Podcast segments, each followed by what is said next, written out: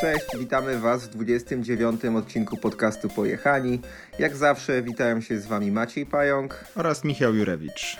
Tym razem nagrywamy bardzo krótko po nagrywaniu 28 odcinka, głównie dlatego, że na dworze jest taka pogoda, że nawet chyba się nie chce za bardzo wychodzić, więc ten czas na pewno jakkolwiek produktywnie postaramy się spędzić i po prostu może nadgonić trochę nagrywania.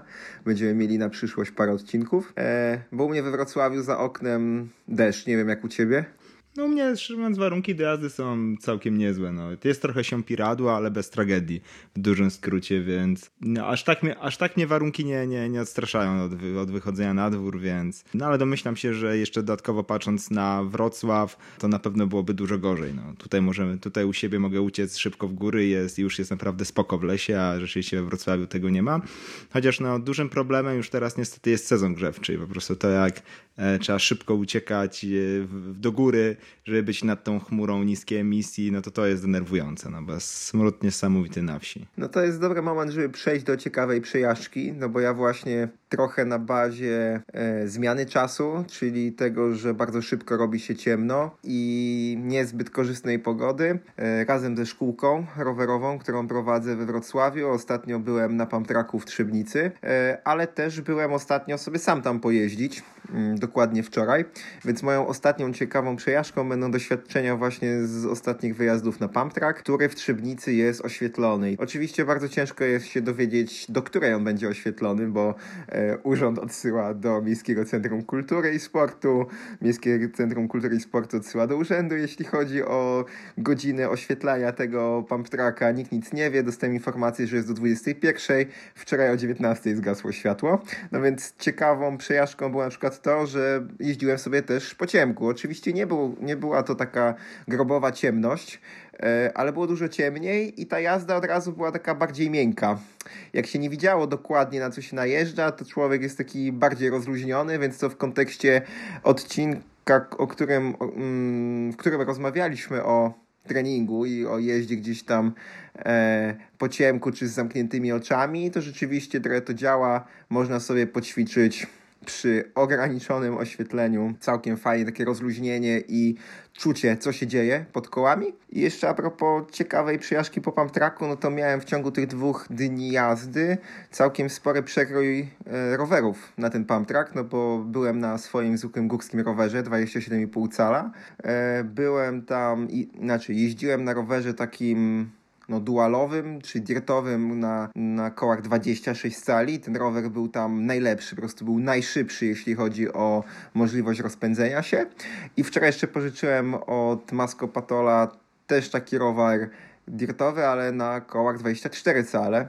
I okazuje się, że na tej 24-calówce jeździ się ciut wolniej, to znaczy ta maksymalna prędkość, do której się da rozpędzić jest odczuwalnie dużo niższa niż na tej 26, no bo to czuć w zakrętach, czy już jest ło, już się nie da, czy, czy po prostu już czy jest wolniej. A może na tyle dobrze się składa w zakręty, że, że tego nie czuć? Nie, bo to potem na prostych czujesz, nie? Że po prostu no, wolniej wychodzisz z zakrętu, więc wolniej musisz pompować, albo na przykład ciut mocniej się wybić na jakimś stoliku, żeby do niego dolecieć. Ale całkiem fajnie jest po prostu się pojeździć na różnych rowerach i na sztywnym, e, niziutkim rowerze na tych pamtrakach jest naprawdę fajna zabawa, bo dużo mniej siły się poświęca na to, żeby w ogóle ten rower rozbujać, a dużo więcej jest zabawy na tym, na takim rowerku. Bo jak rozumiem, jest to taki pump track typowy, asfaltowy, łagodny, um, żaden jakiś takich bardziej dynamicznych, jak często ziemne. Tak, on jest tak zaprojektowany, że właśnie wszyscy na tych małych hulajnogach, deskorolkach, innych e, urządzeniach mało kołowych, że się tak wyrażę, bez problemu przejeżdżają i nigdzie tam nie zahaczają, więc na pewno musi być z tych spokojniejszych. Okej, okay, no to są takie rzeczywiście pump wolniejsze, bym powiedział. To y, jakoś mnie bardzo nie dziwi, e, że wiesz, takie koła 24 E, mogą być trochę, trochę wolniejsze, na przykład tam to, wiesz, no, wpada, jakby te 26 to może być fajnym kompromisem, że akurat jest, wiesz, ten, ten, ten dół i góra akurat jest dobrego rozmiaru i się tam fajnie, fajnie wchodzi, bo to jest takie wszystko rozlazłe, za to pewnie na czymś takim bardziej ziemnym, dynamicznym, ta 24, tak jak u nas na tym pump tracku świeradowie, to pewnie by fajnie śmigała. Można kiedyś sprawdzić. No, a ty rozumiesz, że ta jeden i drugi to po prostu hardtail, tak? Że... Tak, tak, chociaż jeszcze od kolejnego Bartka, naszego znajomego, pożyczyłem no, przeżyczyłem. Po prostu też się przejechałem na fullu takim dirtowym do skoków, który też jest na 26 cali i on też był również szybki, no, jeśli chodzi o maksymalną prędkość, no ale jak to full, no tam trzeba było ciut więcej miejscami siły przyłożyć do tego, żeby, żeby on się rozpędził, ale też tą maksymalną prędkość miał bardzo zbliżoną do tej 26 sztywniaka.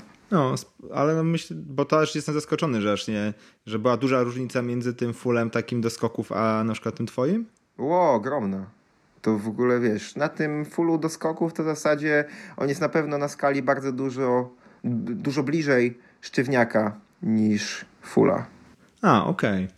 Nawet nie wiedziałem, że taki teraz są, czy to jakiś był specyficzny wymysł to Dachtmur, więc to taki bardzo chyba aktualny rower zeszłego roku, więc to jest coś na zasadzie do chyba do skoków dirtowych właśnie, tylko że full. Kumam, bo takie slopestylówki to kiedyś był na to boom, a potem się jakoś lekko zwinęło, ale widać jeszcze... Ale to zupełnie nie ten rower, bo slopestylówki z tego co kojarzę to jednak tego skoku, które tam miały, nie? Na zasadzie tam mocno powyżej 150 z tego co kojarzę, a ten nie, nie, nie, nie.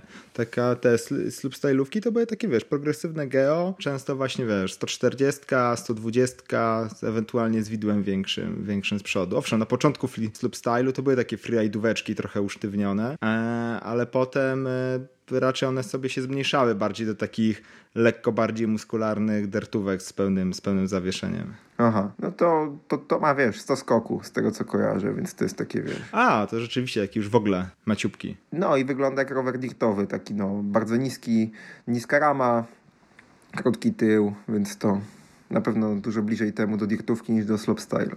Ciekawy sprzęt, szczerze mówiąc bardzo taki z niszowym, z niszowym zastosowaniem, ciekawym. Ja właśnie dokładnie w, w dzień zmiany czasu, czyli już z tym e, krótkim dniem, przez co musiałem właśnie się pilnować, żeby nie mm, wyjechać za późno, to pojechałem na Hejnicki Chrzebień, jeszcze wersji takiej oldschoolowej, bo jak wracałem sobie z Hejnickiego Chrzebieniu, to pojechałem potem znowu dalej w dół do Beczki, czyli nie wracałem standardowo do góry, tylko jeszcze dokończyłem tym zjazdem do Beczki, jakkolwiek on tam się nazywa, tą starą, czerwoną, czerwoną trasą. Do pojechania w tamtą stronę, na Hejnicki i potem właśnie do Beczki zmotywowało mnie to, że jak tutaj z takim e, zjeździłem znajomym, który przyjeżdża e, z Niemiec co jakiś czas tutaj w moje strony i sobie razem jeździmy, to ten znajomy pytał mnie, jak jakie są warunki tam w Czechach, jak, czy jakieś knajpy są otwarte, czy są zamknięte, jak to tam wygląda. Ja mu powiedziałem, że szczerze mówiąc nie mam się tego pojęcia, bo mnie tam w ogóle nie było. I trochę taki był zaskoczony, że blisko i główna sieć tras, a mnie tam nie było w tym w ogóle sezonie. A ja mówię, że no po prostu tutaj bliżej chaty mam tyle, tyle tras, że nie masz takiego musu jeżdżenia tam trochę dalej i pomimo, że to jest, wiesz, ciut dalej, to jest nadal przecież dobrze wiesz, że to jest zasięg, wiesz, tam półtora godziny, dwóch godzin, e, takiej po prostu sobie przejażdżki, to szczerze mówiąc, my tam w tym sezonie, patrząc na to, że było trochę więcej nowych tras tutaj bliżej po polskiej stronie, też mnie tak nie, nie kusiło.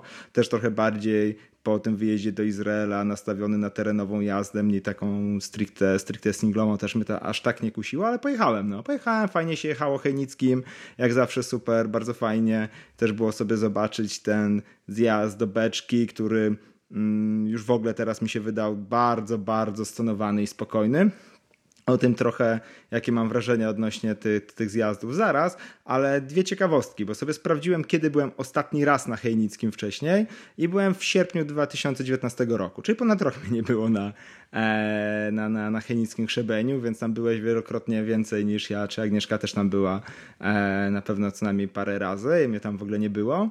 Mm, a na tym zjeździe do Beczki nie było mnie odkąd mam Apple Watcha, no bo wtedy mam wyniki na strawie, czyli z 3, 4 lata.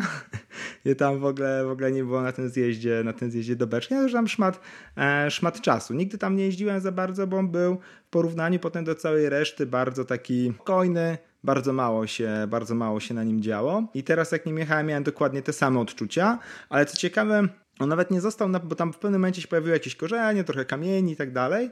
On nawet nie został jakby naprawiony czy coś, tylko już te korzenie się starły i te kamienie się trochę starły. I on teraz jest naprawdę super smooth, jest bardzo, bardzo, bardzo gładziutki. Jest przy tym bardzo spokojnie nachylony, naprawdę jest jednym z najbardziej spokojnie nachylonych zjazdów na, na, na, singlach. On jest naprawdę niezły dla takich super początkujących osób.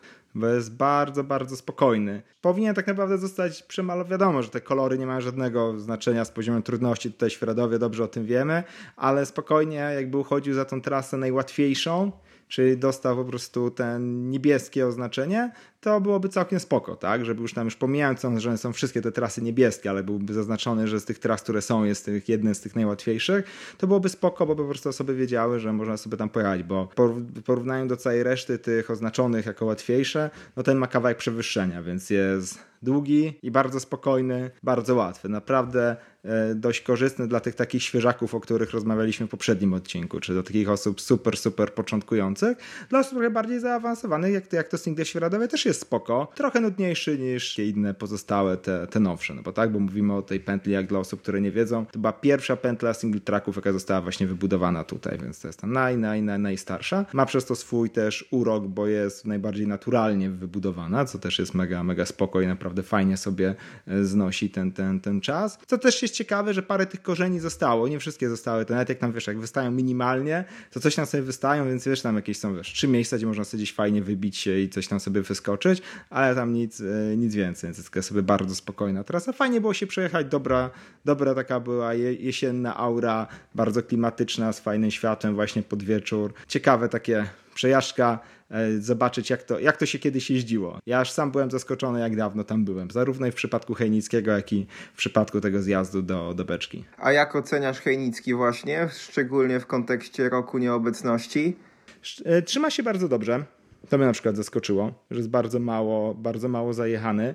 E, owszem, ma te problemy błotno-kałużowe, co zawsze miał. Tam te są dwa czy trzy miejsca takie e, rozmiękłe, trzymające wodę, więc to jest tam minus. A jechałeś go do samego dołu? Nie do samego dołu, do centrum Meridy, ale do cmentarza. No to do cmentarza mnie dawno nie było. Chyba na początku tego sezonu tam pojechałem w ramach jeszcze obczajki przed szkoleniami ale przez to, że tam teraz pozmienialiśmy program Skręcaj Pewnie, to zawsze w tym roku poza tą obczajką dojeżdżałem do tego takiego skrótu omijającego płaską końcówkę Heinickiego. To dla mnie ten odcinek między cmentarzem a wyjazdem z tego skrótu jest jednym z lepszych odcinków na Heinickim, więc bardzo rzadko go odpuszczam.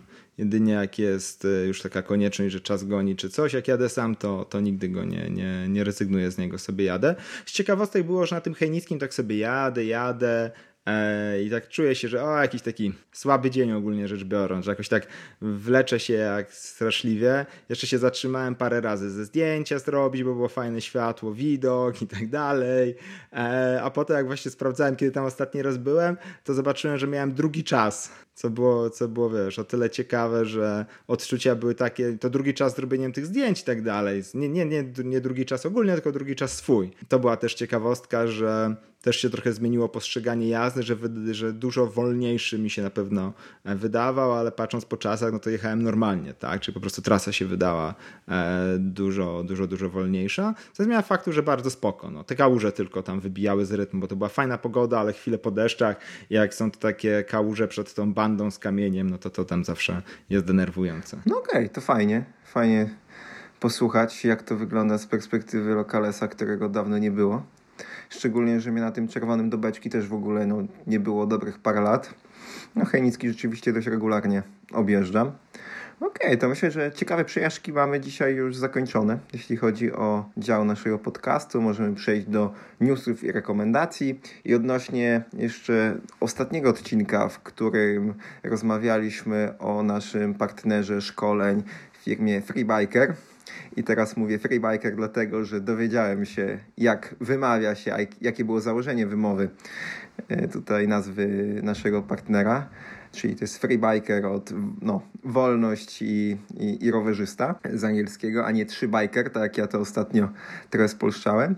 No i przy okazji właśnie dostałem wczoraj przesyłkę z nowymi próbni, próbnymi koszulkami, o których rozmawialiśmy ostatnio, czyli e, o tym nowym materiale Cut and Touch, mm, więc e, Cut and Touch, więc myślę, że w następnym odcinku będę w stanie cokolwiek powiedzieć na temat tych koszulek, bo tak w dotyku rzeczywiście przypominają dużo bardziej bawełnę niż jakikolwiek taki sztuczny poliester, Coolmax lub jeszcze jakiś inny, inny materiał. Jeśli chodzi o to, czy one będą cieplejsze, ciężko mi w tym momencie powiedzieć. Na pewno będą ciut mniej przewiewne, ale one nie są aż tak grube, jak się spodziewałem na początku.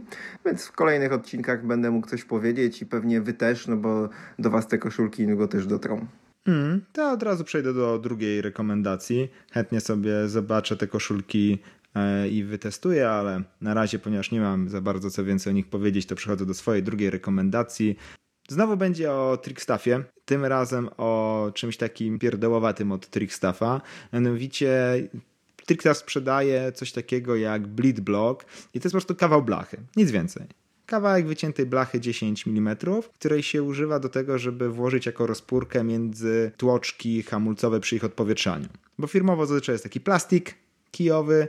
Jak dobrze wiemy, ten plastik to mogliby ich równie dobrze nie dawać, bo on się do niczego nie nadaje, bo jest zbyt ściśliwy, więc jak go się tam włoży, to i tak nie idzie sensownie sprawdzić tego feelingu klamki, e, bo, bo się plastik za bardzo no, gnie i, i ściska, więc jak się to już wie, to się używa tam zazwyczaj prowizorycznie imbusów dziesiątek, bo służą one całkiem, całkiem nieźle, mają wymiar ten co trzeba, czyli ten właśnie 10 mm. Tylko ten imbus tam sobie siedzi między tymi tłoczkami, ale wiadomo, no imbus jest taki dziesiątkę zazwyczaj ciężką, długą dźwignią, więc tam ona się tam trochę, trochę rozpiera te klocki, tak? One tam zazwyczaj nie siedzi tak super stabilnie, idealnie równo.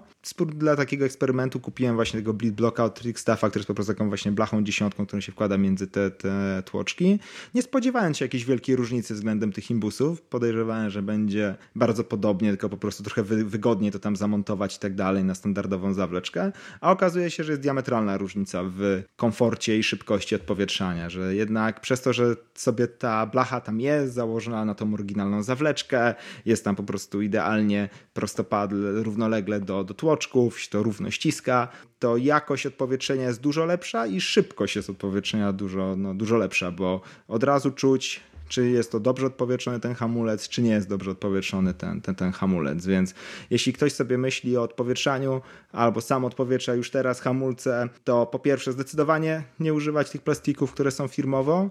Można z partyzanta robić to tymi imbusami, dziesiątkami, ale zdecydowanie warto wydać te 30 zł na tego bleed i mieć to po prostu załatwione bardzo fajnie, pewnie.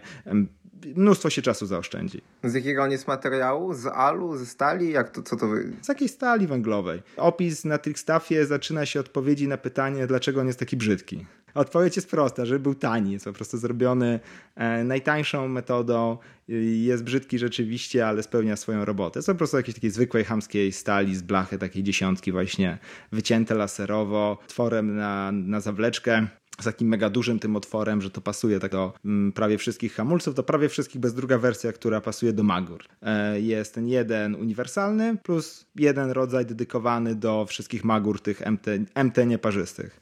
MT7, MT5 i tak dalej. Więc mm, mając takie dwa, to załatwiamy właśnie cały rynek hamulców rowerowych. A jak w ogóle do Magur nie podchodzimy, no to wystarczy jeden.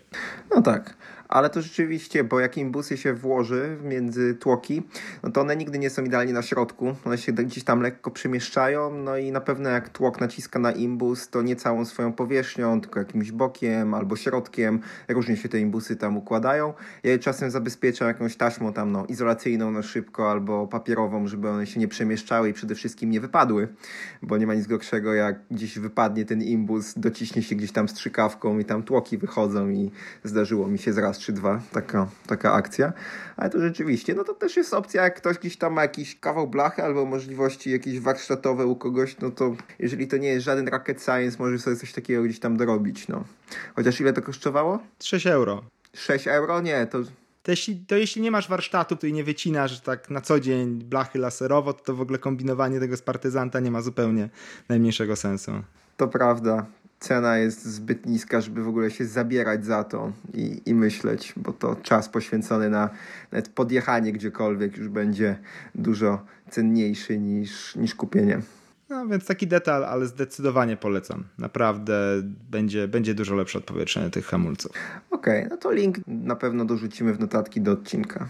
To co? To przechodzimy do tematu odcinka, mm, który jest odpowiedzią na pytanie słuchacza, e, z, które było zadane chyba dwa odcinki temu, e, stwierdziliśmy, że zrobimy tutaj awans tego pytania do tematu odcinka, bo myślę, że jest to dość ciekawe i można sobie sporo o tym porozmawiać. I chodzi tutaj o pomiary jazdy, czyli wszelakie czujniki jakich używamy podczas jazdy na rowerze. Tego dotyczyło pytanie, ale jeszcze rozszerzyłem trochę temat o pomiary nie tylko jazdy czy roweru, ale również pomiary mm, samych siebie, tak? Czyli tutaj wszystkie pulsometry, wagi i tak dalej, i tak dalej w to, w to wchodzą. Też tak nie prowadził monologu od samego początku. Przekazuję w takim razie tutaj pytanie znowu do ciebie.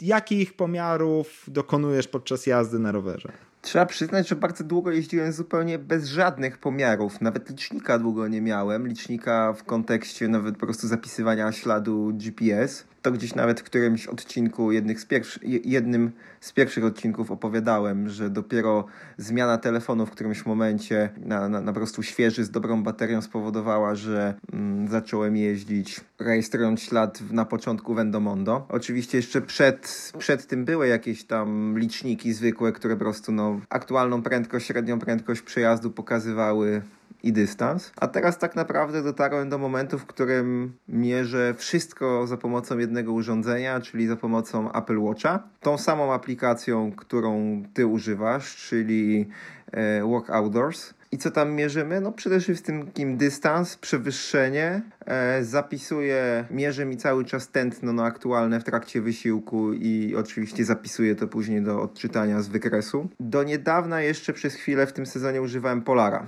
Więc to też jeszcze mam pewne porównania między Apple Watchem a takim komputerem Polara M400 czy 460, jakoś taki numer on miał. No i oprócz tego jeszcze mój Apple Watch ma te funkcje mierzenia HRV, o którym też już kiedyś rozmawialiśmy, no więc to jest też jeden z pomiarów, który, który wykonuję. Więc w dużym skrócie no, jest ich trochę, ale chyba istotniejsze jest to, czy do, do, czego, do czegokolwiek to używam potem, bo w zasadzie z tych wszystkich pomiarów najbardziej interesuje mnie zawsze na koniec miesiąca dystans, jaki po prostu przejechałem na rowerze, żeby zobaczyć, czy ten miesiąc był dobry w kontekście jazdy na rowerze. To jest pierwsza rzecz. A druga rzecz, że na podstawie e, tych danych HRV i tętna po prostu ten, te aplikacje, które mam, pokazują mi, czy jestem niby wypoczęty, czy nie, chociaż szczerze mówiąc, czym dłużej tego używam, tym z tym większym dystansem podchodzę do tych wskazań gotowości do, do, do wysiłku czy do życia, które są pokazywane przy, przez aplikacje chociażby Autosleep czy, czy Heartwatch. Okej, okay, ale to jakby na razie skupmy się na samej, na samej jeździe przejdziemy sobie, myślę, że potem do tych takich bardziej naszych własnych i około i około jazdowych, najpierw na samej jeździe, czyli dystans na koniec miesiąca, tak? Tak, to jest w zasadzie, w zasadzie to mnie interesuje. No i rzeczywiście dystans każdej wycieczki. No, patrzę sobie, ile dzisiaj przejechałem. Jestem w stanie ocenić, czy przejechałem, załóżmy to w całkiem niezłym tempie, czy jak pojadę na Ślęż i zrobię 20 km, a zajmie mi to dwie godziny, to nawet nie muszę patrzeć stricte na średnią prędkość, po prostu no, wiem, że no, w sumie spoko jazda, no stop shredding wyszło całkiem nieźle. A dokonujesz jakiejś decyzji potem na podstawie tego? Nie, nie. Rzeczywiście w ogóle te wszelkiego rodzaju informacje, szczególnie do, jeśli chodzi o tempo jazdy, czy, czy tętno w trakcie jazdy, to, to nie wpływa to na, większy, na jakiekolwiek decyzje później, a że jutro to będzie słabsza jazda, jutro będzie mocniejsza, albo jutro pójdę, nie pójdę na rower. W zasadzie nie ma to żadnego znaczenia potem. Okej, okay, czyli tak, tak mało z, tych, mało z tych danych korzystasz. Mimo, że się dużo nagrywa, to za bardzo z tego nie korzystasz. Mm, u mnie jest dość podobnie, bo oczywiście używam, jak już sam wspomniałeś, dokładnie tego samego, czyli podczas jazdy e, Apple Watch, aplikacja Workouters i oczywiście tych danych się rejestruje całe mnóstwo, ale istotne jest to, na co, na co patrzę to najbardziej interesuje mnie tutaj dość ciekawe dwa, dwa parametry. Pierwszym parametrem, który jest dość ciekawy, taki właśnie nie dystans na koniec miesiąca, a bardziej mnie interesuje ilość przepalonych kalorii, średnia ilość przepalonych kalorii na godzinę jazdy. To jest ten e, współczynnik, który mnie najbardziej interesuje, tych takich bardziej fitnessowych. Drugim to jest oczywiście sam ślad. To jest po prostu ślad przejechany, no bo bardzo często potem potrzebuję ten ślad komuś podesłać, coś znaleźć, zobaczyć, uzupełnić, wrzucić do OSM-ów, dodać jakąś trasę do OSM-u, więc te dwie rzeczy, jak, jak, jak po to je to rejestruję, żeby wiedzieć, żeby mieć po prostu ślad, który potem jakoś tam sobie wykorzystam do, do czegoś, mieć też historię, gdzie byłem, czy tak jak teraz sobie sprawdziłem, kiedy ostatni raz byłem na Chenickim Krzebeniu,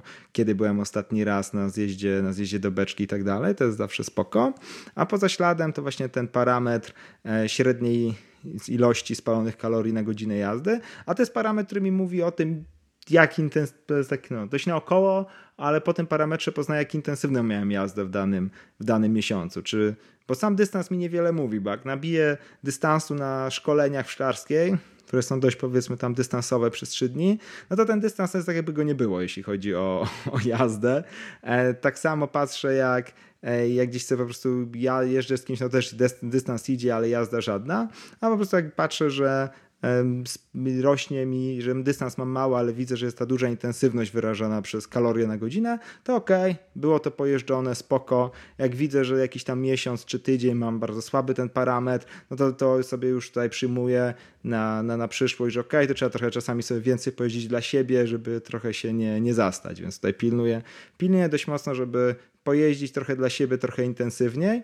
Też zimą kolejny czynnik, jaki patrzę, tam średnie, średnie tętno. Tam jakieś w tych strefach tak dalej, to aż tak się nie pilnuje, żeby teraz, nie wiem, wyższej, niższej tej strefie tętna jechać, ale po prostu patrzę na średnie, na średnie tętno, ponieważ jestem z tych takich niskotętnowych. Nawet nie chodzi o to, że nie wiem, że nie mogę się bardziej rozkręcić czy coś, tylko jak sobie jadę dla siebie, to mam takie, wiesz, 110, 120 i jak teraz mam krótsze wyjazdy na rower właśnie posezonowe, bo pogoda, bo zaraz ciemno i tak dalej, i tak dalej, to to jest ten sezon, gdzie powoli zaczynam patrzeć na tą średnie tętno zjazdy, żeby je trochę podbić, żeby trochę więcej się e, rozruszać, trochę zwiększyć intensywność, czyli jeżeli to średnie tętno dochodziło do 130, może 140, czyli wtedy sobie patrzę i to jest ten parametr, na który patrzę też podczas jazdy, tak, no bo żeby widzieć, że się nie obijam i że sobie nie jadę, tylko że jednak wychodzę na krótko, więc trochę, trochę sobie podbić e, tą intensywność, więc e, to są takie parametry, na które, na które ja patrzę, z czego właśnie zdecydowanie najważniejsze to jest samo nagrywanie takiego śladu i posiadanie tego do użycia na, na, na przyszłość. Okej, okay, rzeczywiście jak powiedziałeś o śladzie, to też go wykorzystuję, bo jak mnie jacyś znajomi pytają, gdzie tu gdzieś pojechać, albo na jaką trasę sobie pojechać w Świeradowie, no to jestem w stanie dzięki temu, że nagrywam każdy swój przejazd, podrzucić po prostu traka, powiedzieć, że tu z tego traka w zasadzie, no, cała ta połowa to jest fajna wycieczka, jedźcie po śladzie, no, albo po prostu całego traka wrzucić jako, jako wycieczkę, więc to rzeczywiście ja raczej nie, nie uzupełniam OSM-ów, jak już to tylko, jak mam jakieś służbowe w cudzysłowie zadanie, zdarzało mi się parę razy, ale, mm, ale tak to nie uzupełniam, więc więc do tego mi te ślady nie są potrzebne. Ja też dla siebie te ślady potrzebuję. Jak, jak jesteś w jakimś miejscu po 8 latach, czasami już nie pamiętam, czy to w lewo, czy to w prawo, było na tym skrzyżowaniu, nie wiem, jakaś nowa wycinka, albo trochę się zmienił krajobraz i też już nie poznaję, więc nieraz już jechałem gdzieś tam patrząc, pomagając się swoim własnym starym, starym śladem, żeby trafić na przykład na jakiś odcinek, który wiedziałem gdzie jest i jest fajny i chciałem go tam powtórzyć, ewentualnie o coś nowego uzupełnić, zwłaszcza w takich miejscach, no nie wiem, jakieś latiule, y, gdzie aż tak często nie jestem, e, czy właśnie jakiś tam ślad z pierwszego wyjazdu do Izraela po pięciu latach, to y, sam, samemu też dość często korzystam z tych, z tych nagranych, nagranych śladów, więc to się, to się przydaje. Jeśli chodzi o te parametry, o których już też trochę skrótowo wspomniałeś. A to jeszcze to zanim te parametry, to może no. jeszcze jedną rzecz, bo tutaj Grzegorz pytał jeszcze o takie właśnie parametry czy czujniki jak kadencja, pomiar mocy i tak dalej. Czy miałeś kiedykolwiek okazję jeździć z takimi czujnikami? Nie, nigdy. Ani pomiaru mocy takiego no, dedykowanego, ani, ani kadencji. Miałem jak jeździłem bardziej tak cross country, czyli to powiedzmy, że przed 2007 7 e, rokiem, może nawet przed 2006, to miałem taki licznik VDO dość wypasiony e, z tym, z wysokościomierzem, z jakimś tam nachyleniem i wtedy sobie na nudnych podjazdach sobie patrzyłem na te cyferki, ale to jeszcze w ogóle było przed epoką takich łatwo dostępnych tych wszystkich watomierzy i kadencji i tak dalej, że wtedy to było to super kosmiczne, a potem mnie to w ogóle nie interesowało. Jak przez to, że pracowałem jakiś czas w magazynie rowerowym, no to miałem do testów komputerek Garmina z pomiarem mocy w pedałach. i czy po prostu były dedykowane pedały Garmina, które się łączyły z komputerkiem i pokazywały to, czy równo pedałujesz, z jaką tam średnią, maksymalną mocą jedziesz. Jestem, nie pamiętam w zasadzie nic jakby z tego, no bo jechałem z pomiarem mocy. Pamiętam, że jakiś tam pomiary mi pokazywało. Fajnie było sobie zobaczyć, jak ta moc się zmienia, chociażby w kontekście tego, jak się jedzie na przykład pod wiatr i opuści się jakby no, z takiego wysokiego chwytu na szosie do takiego bardzo niskiego, skulonego. Było widać po prostu no, różnicę o te kilkanaście watów, które musisz wkładać w pedały, żeby utrzymać dokładnie tą samą prędkość, ale to rzeczywiście nic innego, oprócz tego nie pamiętam, że no, po prostu było fajnie sobie popatrzeć jako ciekawostka, a to jest tak naprawdę, myślę, sensowne dla tych, którzy rzeczywiście trenują i oni przy odpowiednio rozpisanym treningu no, są w stanie z tego naprawdę bardzo dużo rzeczy e, wyciągnąć, tak? To znaczy z tego, że będą mieli moc pokazaną, średnią, maksymalną, przy danym tętnie i tak dalej, są w stanie jakoś sensownie sobie później trening poukładać, a przy mojej jeździe, no w ogóle, jeżeli nie, nie widzę sensu, szczególnie, że w kontekście nawet tego, co już mam e, po, nagrywane na zegarku i tak korzystam z jakiegoś tam ułamka tych danych. No, dokładnie. To trzeba mieć, trzeba mieć e, plan treningowy rozpisany i to bardziej chodzi wtedy o celowanie w dane parametry, a nie tylko ich odczytywanie i o fajnie, tak? Po prostu, żeby mieć założenie, w co chcemy wcelować i wtedy celować. No, jak nie trenujemy z planem, a, a no, ja nie trenuję, ty też z tego co wiem nie trenujesz, więc nam to z, do niczego nie jest to potrzebne. Ale tutaj ciekawostka z ostatniego wyjazdu do, do Izraela. Mm, tak już tam wspominałem, że jeździliśmy z ekipą, bo na południu w Ejlacie to właściwie wszyscy bardziej zaawansowani jeździli na elektrykach, więc w dużym skrócie jeździliśmy z samymi gościami na rowerach elektrycznych. Mm, ja i Agnieszka byliśmy no jedyni na zwykłych rowerach. Była taka ciekawa sytuacja, właśnie jeden tam nasz dobry znajomy, Eran, e, wspominał o tym, że, jego, że na podstawie naszych wspólnych jazd, czyli moich, Agnieszki i Erana, jakiś jego znajomy z Tel Awiwu, który jeszcze nie miał, taki znajomy biznesowy, nie miał jeszcze z nim okazję jeździć na rowerze, y, rozwiązywał problem, czy w ogóle będą mogli sobie sensownie razem pojeździć, jak ten jego znajomy z Tel Awiwu będzie na zwykłym rowerze, a Eran będzie na elektryku. Czy w ogóle ma to sens pojechać gdzieś sobie dłuższą trasę, czy to będzie tak, że ten bez elektryka natychmiast, natychmiast padnie. I właśnie ten gość tam właśnie znajomy znajomego, ten z Tel Awiwu, gdzieś ten dokonywał bardzo dokładnej analizy naszych wspólnych jazd poprzez strawę, no bo wiadomo, że tam śledził Erana, wyświetlały tam też mnie mnie pofollowował, więc wyświetlały mu się te jazdy wspólne i dokonywał właśnie pomiaru parametrów, czyli tam czasu, tętna, tam strawa chyba jakoś przelicza takie, wiesz, tętno, wysokość, prędkość do jakiejś tam mocy, te wiesz, takie guesstimated e, jest, jest ta moc tam podana i właśnie przeliczał to przez jakieś dodatkowe 10 różnych innych metod przeliczania i bazując na właśnie na trzech tygodniach wspólnej jazdy z Eranem stwierdził, że okej, że mogą sobie zaplanować wspólną jazdę gdzieś tam e, przez pustynię trzydniową czy coś i, i że ma to sens, że, że, że, że uznał, że właśnie jest tam e, porówna jakby swoją kondycję do mojej kondycji i skoro ja dawałem radę, to on też da, to, to on też da radę, więc taka, taka sobie ciekawostka, jak można było te dane wykorzystać, to właśnie cudze dane. Mm, ciekawe, co z tego wyszło.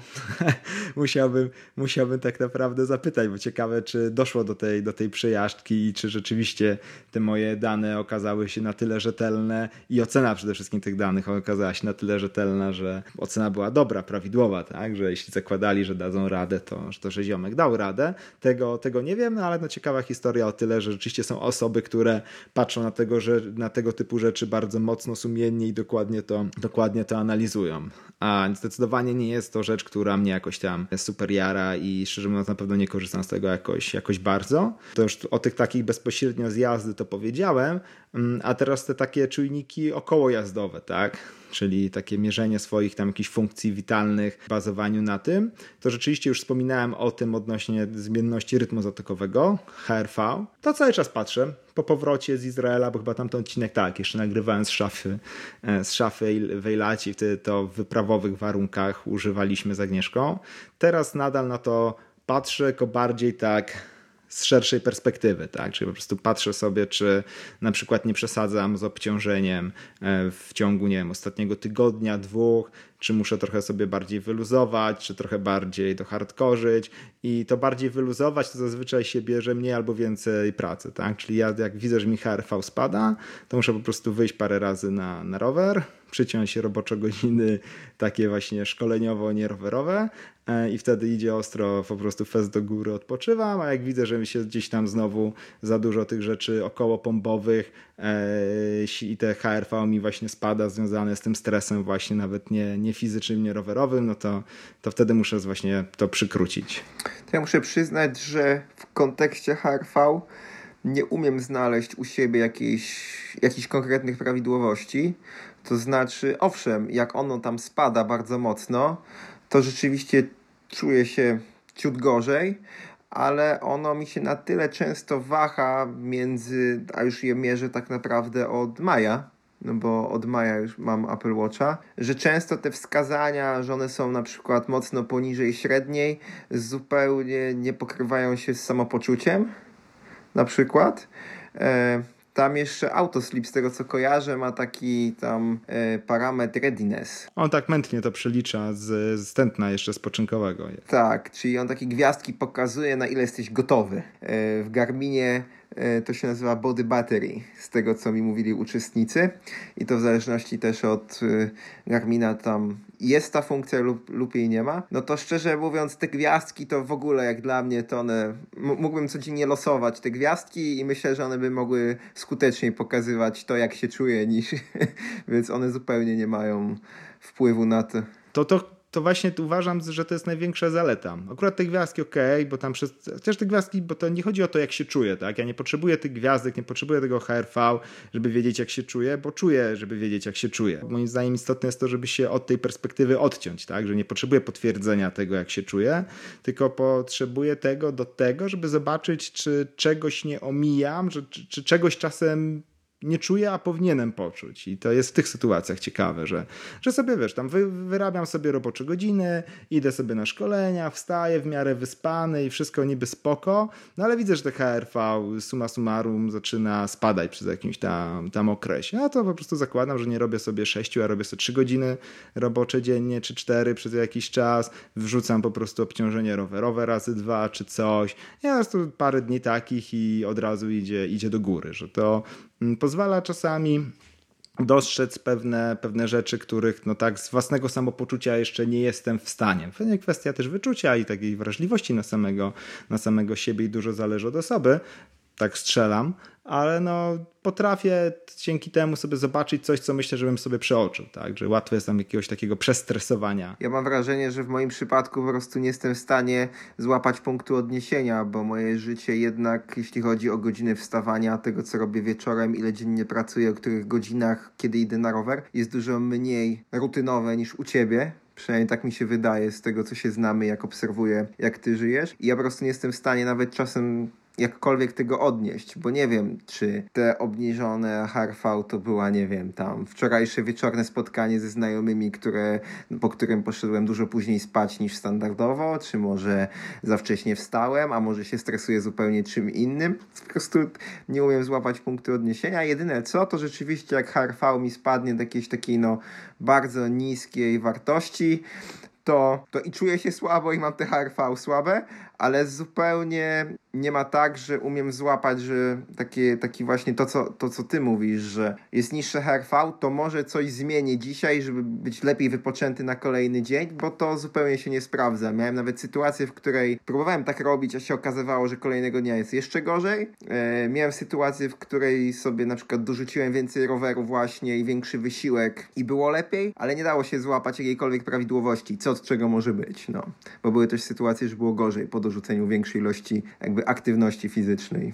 No, bo to patrząc na to, jak są e, te wszystkie też aplikacje, jakieś modele treningowe, które polegają na tym właśnie HR, użyciu HRV, to tam jest oczywiście tagowanie, tak, żeby mieć właśnie te punkty odniesienia. Ja tego nie robię, tego po prostu nie potrzebuję, nie robię, ale wiem, że osoby, które mają, podejrzewam, taką sytuację bardziej zbliżoną do ciebie, no to dodają na przykład do każdego pomiaru jakieś tam, wiesz, tagi ikony, tak, że nie wiem, wieczorna impreza i coś tam, i coś tam, i tak dalej, i potem gdzieś są w stanie zobaczyć, który taki, wiesz, no, jaki jest tam trend od danego, danego tagu, mm, więc to można jakoś sobie rozwiązać, ale ja tego nie robię, to, to szczerze mówiąc myślę, że to nie ma, że to nie ma sensu, że to jest trochę, wiesz, jak metodyka GTD produktywności, gdzie w pewnym momencie zajmujesz, że zajmujesz się tylko i wyłącznie swoją produktywnością, a nie tym, żeby coś zrobić. No tak, ja zupełnie nie lubię analizować takich danych, więc mnie to zupełnie nie pociąga i nawet na zasadzie takiej, że jak kiedyś próbowałem spisywać chociażby kalorie, ile czego jem, jestem tym po dwóch tygodniach tak wkurzony, że muszę to robić, że, że zupełnie olewam takie rzeczy, więc takie dziubdzianie w żadnym wypadku mi nie pasuje, ale ty masz jeszcze jakieś inne takie właśnie około e, fitnessowe tematy, które nie mierzysz bezpośrednio w trakcie roweru, a gdzieś po rowerze, przed rowerem, czy po prostu w życiu, bo tu jeszcze Grzegorz pytał także o te takie tematy bardziej techniczne, chociażby ciśnienie w oponach i myślę, że tu można by też telemetrię zawieszenia wrzucić, bo są takie czujniki, więc o tym można jeszcze chwilę pogadać, ale czy masz jeszcze te swoje takie bardziej fizyczne odnośnie fizyczności ciała i fizjologii ciała? Mam jeden, który jest trochę powiązany z tymi mm, z tym liczeniem kalorii, o których wspomniałeś. Tutaj ty to dobrze wiesz, ale słuchacze mogą nie do końca wiedzieć, że jestem z tych osób bardzo adaptacyjnych, tak? Czyli po prostu jestem się w stanie wytrenować super szybko, wejść do, do bycia fit, a mogę też bardzo szybko to zaprzepaścić. Ja muszę się po prostu bardzo mocno, bardzo mocno pilnować, czyli w dużym skrócie, jak, jak nie uważam, chwila, moment jestem gruby i wolny, jak uważam, chwila, moment jestem po prostu fit i szybki, więc e, muszę właśnie uważać, żeby się nie zapuścić, żeby się nie stać po prostu grubym i wolnym. Do tego często używam właśnie liczenia kalorii przez jakiś tam okres, okres, rzucę sobie tam właśnie x kilogramów w jakimś tam krótkim czasie, i potem jak już tego nie potrzebuję, to to, to to olewam, już tego nie robię. Ale właśnie zawsze przy tym zrzucaniu z masy zawsze był dylemat, ok, czy tak naprawdę ja zrzucam z tej tkanki tłuszczowej zbędnej, czy z tkanki mięśniowej, czy, czy po prostu z wody, gdzie to się gubi, tak? Bo co z tego, że, że masa jest niższa, jak nie wiadomo co, co za tym idzie. Przy ostatnim takim cyklu zrzucania z swojej własnej masy, który tam miał, nie wiem, dwa miesiące temu czy coś, kupiłem taką wagę. Podstawowy model Thingsa z tym pomiarem właśnie składu ciała. Czy tam jakoś tam sobie to pewnie z grubsza, tak, ale wystarczająco dokładnie do takich amatorskich zastosowań. E, pomiar ilości tkanki tłuszczowej, tkanki, tkanki mięśniowej, no i oczywiście masy no, takiej ogólnej. I przyznaję, że to jest mega spoko, że z tego jestem bardzo, bardzo e, zadowolony, bo mogę zupełnie zrezygnować właśnie z tego odmierzenia tych, tych kalorii, jak już mniej więcej czuję, co jeść, jak jeść, że te składniki odżywcze są takie, jak mają, jak mają być, po prostu czy się ilość, ilość ich zgadza, to w momencie go chud, chudnięcia, no to widziałem, że chudne z tkanki stłuszczowej, że tam zbiłem z tych moich gruby i wolny, czyli tam 14% do chudy i szybki 11,8, 11, 11,6, tak jak, tak jak teraz. Widziałem z czego schodzę, bo to było tak, że waga właściwie stała w miejscu, ale właśnie tkanka mięśniowa w górę, tkanka tłuszczowa w dół, czyli zakład, był to efekt, jaki chciałem, jaki chciałem osiągnąć i teraz już nie licząc tych kalorii, no to, to po prostu się tam no, odżywiając tak standardowo, jak człowiek na, na czucie, też widzę, że, że jest ok, tak, że jak na przykład nawet o tam przytyłem trochę do góry, no ale widzę, że to przytyłem głównie na masie mięśniowej, na tkance tłuszczowej niewiele, okej. Okay nieważne, tak? Albo patrzę, o kurczę, fest przytyłem, ale potem patrzę, że nie wiem, no, ilość wody o 5% w górę, czyli się, nie wiem, jakoś tam opiłem, czy cokolwiek. I to okej, okay, nic nie muszę z tym, nie muszę z tym, z tym robić, tak? Bo się, nie wiem, odparuję. Z, tymi urządzeniami pomiarowymi jest chyba o tyle jakby problem, że wszystko jest dobrze, póki się mierzy to na tym samym cały czas. I to jest tak naprawdę podstawowe założenie, bo jak są cały czas jakieś inne urządzenia, to one będą mogły w, dokładnie w tym samym momencie pokazać zupełnie inne wyniki. Więc tutaj taka informacja dla naszych słuchaczy, że jeżeli no, robią tego typu właśnie zabiegi jak Michał, to dobrze jest po prostu nawet nie przejmować się tym, czy to urządzenie kosztuje miliony monet, czy, czy jest jedno z podstawowych, no bo tak naprawdę te różnice przy odpowiednim sposobie pomiaru ma wskazywać, a nie bezwzględne wartości. No, zgadza się. Tak jak mnie w ogóle nie interesuje, czy ja mam tego tłuszczu 18 czy, czy, czy 10. Interesuje mnie tylko ta dynamika, tak? Że zacząłem przy 14, e, zszedłem tam do 11. Bym używał jakichś pięciu różnych wag, na pewno te algorytmy by się różniły i byłoby to zupełnie co innego. I trochę z Grzegorzem nawet miałem na temat właśnie pomiarów gdzieś tam dyskusję na Twitterze, już tam nieważne o jej, o jej treść, ale to taka historia odnośnie urządzeń pomiarowych, no to w tych tematach około projektowych, ścieżkowych, jak używaliśmy różnych profesjonalnych dalmierzy, wszelakich i i wszystkie z homologacjami, wszystkie no po prostu full pro, a potrafiły się rozjeżdżać spokojnie o, od 2 do 8%. Więc plus to było tak naprawdę plus minus 5-6% z grubsza e, między różnymi na jakimś tam dłuższym, dłuższym odcinku i na kilku, na kilku pomiarach, więc a nie na tam na jednych 10 metrach stosować jedno urządzenie, mierzyć i bardziej patrzeć na dynamikę, bo z kolei zmierzenie czegoś tak bardzo obiektywnie, że to jest dokładnie tyle, ile jest, no to wymaga naprawdę bardzo wypasionego sprzętu. I to nawet jeśli mówimy o, o sufmiarce, tak? Są sufmiarki za 40 zł, są sufmiarki za 40 tysięcy, tak? I, I, mierzą z grubsza to samo. No tak. Okej, okay, ale są jeszcze właśnie inne czujniki do rowerów, których ja szczerze mówiąc nie używałem, ale jest coś takiego jak Shockwiz, jak SAS My Bikes, coś takiego? Jest coś takiego, tak. To takie z Uniwersytetu Szkockiego. Takie z linką. Tak. Tak, nie wiem, czy ja dobrze w ogóle nazwę pamiętałem, ale jakoś tak. Czyli taka, no, telemetria do zawieszenia. Ta sama firma od Shockwiza mm, robi też takie czujniki ciśnienia do opon, do, do opon, no, do kół po prostu. Widziałem, więc chyba stąd też pytanie od Grzegorza, więc ja od razu powiem, że Nigdy w życiu z żadnym z tych czujników nie jeździłem. Nie wiem, jak czy ty miałeś okazję którekolwiek próbować i testować.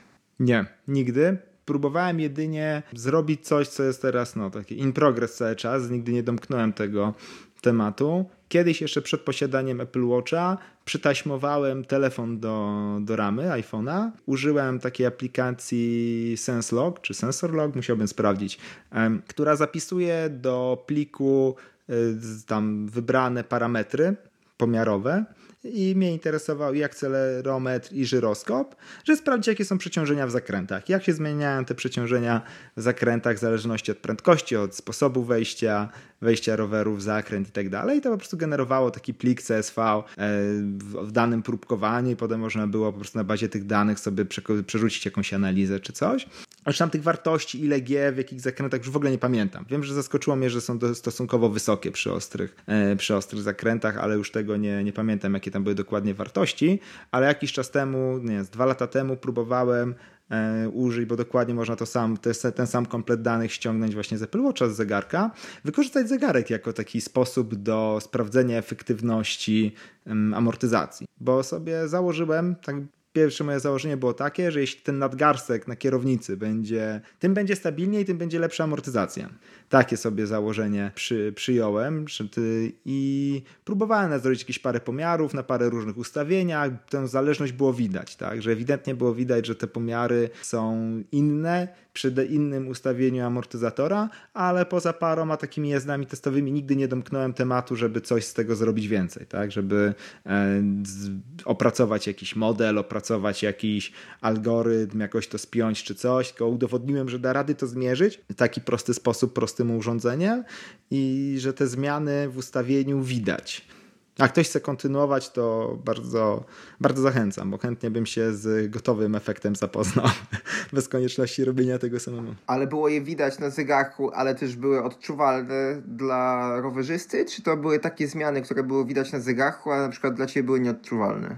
Nie, to ja takie ekstremalne zmieniałem, że to wiesz, bo na przykład w pełni domknięta kompresja, w pełni otwarta, czy takie wiesz, zupełnie ewidentne jak jedziesz, bo to bardziej testowałem, czy to w ogóle ma sens iść dalej w tą stronę, tak? Bo jeśli zakładałem, że jeśli nie będzie żadnych sensownych y, zmian w tych danych, że nie będę widział żadnej zmiany w odczycie, niezależnie od ustawień, które czuję, no to byłoby to bezsensowne, tak? Ale skoro widzę, że te różnice w pokrętłach przekładały się na różnice na wykresach, no to znaczy, że te urządzenie pomiarowe jest to, jest to w stanie odczytać. I to już jest jakby no pierwszy punkt odhaczony, że ok, można iść dalej. Teraz by się przydało jakiś tam Core ML, opracować jakiś model machine learning i to czyścić i, i coś z tym zrobić dalej, opracować. Więc to sobie tak leży na półce jako jeden tam z moich 1500 projektów, które może kiedyś, można się kiedyś za to zabrać. Ale jest to ciekawa rzecz, bo myślę, że to ma szansę powodzenia, że można byłoby w bardzo prosty sposób e, mieć jakąś właśnie dodatkową pomoc do ustawiania, do ustawiania amortyzacji. A może techniki jazdy, tak? Bo to można byłoby też wykorzystać w drugą stronę. To prawda. na przykład tego nie sprawdzałem, ale jak, jak, wykorzy- jak się przekładają na przykład pewne zmiany w technice jazdy na jakąś tam stabilność, tak, roweru, kierownicy, coś tam, coś tam, coś tam. Szczególnie, że właśnie te urządzenia konsumenckie teraz mają naprawdę mnóstwo czujników naprawdę wysokiej dokładności, więc te dane są no, bardzo łatwe do wyciągnięcia. Ja wspomniałem jeszcze wcześniej, że używałem przez chwilę Polara i trzeba przyznać, że w Polarze mi się podobały dwie funkcje. Po pierwsze, funkcja, w której jak ustawiło się na samym początku tam wiek, masę, to ustawiało się też jakąś tam przeciętną aktywność fizyczną w skali tygodnia, czy tam w skali miesiąca, ale po prostu no, ak- taką średnią aktywność fizyczną. Mhm. Polar pokazywał po jeździe na nim, e, po zapisaniu treningu, co zrobiłeś, znaczy po zapisaniu jazdy, ale on to przeliczał od razu i jakby pokazywał, co to był za trening. I on miał takie opisy, że to jest na przykład trening ogólnorozwojowy, wzmacniający na przykład ogólną wydolność organizmu, albo żeby to był trening tempowy plus, który tam poprawi twoją tam wydolność w jakiejś strefie tętna i tak dalej. Więc to mi się o tyle podobało, że nie musiałem po prostu totalnie się wgłębiać i analizować danych. On coś tam sam analizował. I druga funkcja była jeszcze taka, że pokazywał taką jakąś uproszczony model czasu regeneracji po treningu, czyli jak miałeś jakiś super hardkorowy trening, znaczy no jazdę na zasadzie 8 godzin w siodle, e, po prostu długi obciążając, długą obciążającą jazdę, no to przykład pokazywał, że swoje obciążenie, czy tam twoja regeneracja będzie trwała na przykład dwa dni, że w jakimś tam strefie, że jesteś wypoczęty i gotowy do kolejnego wysiłku, to dopiero po dwóch dniach osiągniesz. Garminy chyba mają podobną rzecz, więc dla takiej osoby, która w ogóle nie chce analizować tych danych, takie proste rzeczy na twarz dla mnie były bardzo, bardzo ok. Zakładam, że e, na Apple Watch udałoby się dokładnie takie same jakieś aplikacje, albo inaczej nie te same, tylko podobnie działające jakieś ściągnąć i wykorzystać, ale przez to, że jestem strasznie leniwy do szukania jakichkolwiek aplikacji, zmian, instalowania, jak mam jeszcze Work Outdoors, to jeżdżę i się w ogóle tym nie interesuję.